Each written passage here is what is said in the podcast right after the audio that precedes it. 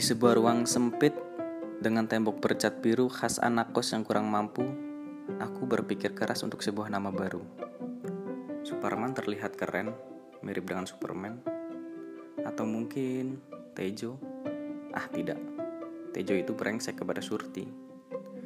Bejo sepertinya lebih baik, agar keberuntunganku selalu naik. Belum selesai dengan nama depan, aku bingung nama belakang apa yang bagus untuk istri dan anakku kelak. Niatku ingin membuat sebuah marga atau nama keluarga, walaupun aku keturunan Jawa, tapi persetan bukan? Marga dan keturunan itu hak semua manusia, tidak hanya suku dan ras tertentu saja. Namaku jelas sebuah beban yang sangat berat, dua entitas ketimur tengahan yang bergabung menjadi satu. Ada dua hal di dunia yang tidak bisa kita ubah.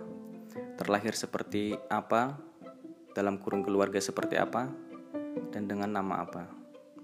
Kita dipaksa menerima nama itu hingga dewasa.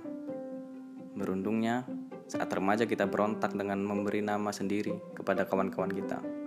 Seperti Panjul, Pepeng, Otong, Cumet, Kensleng. Lebih menyenangkan dan tidak ada beban.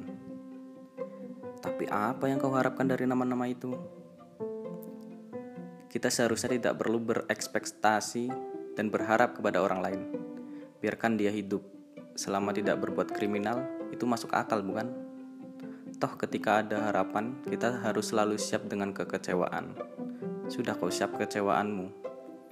Jadi, daripada kita kecewa dan membuat si punya nama merasa terbebani, biarkan dia sendiri yang menentukan. Dan jangan pernah mencibir, ih nama bagus gitu tapi kelakuan hangus kayak arang. Simpan kompas moralmu kawan, jangan menjadi asu yang gemar menyalak, padahal lebih enak semangka.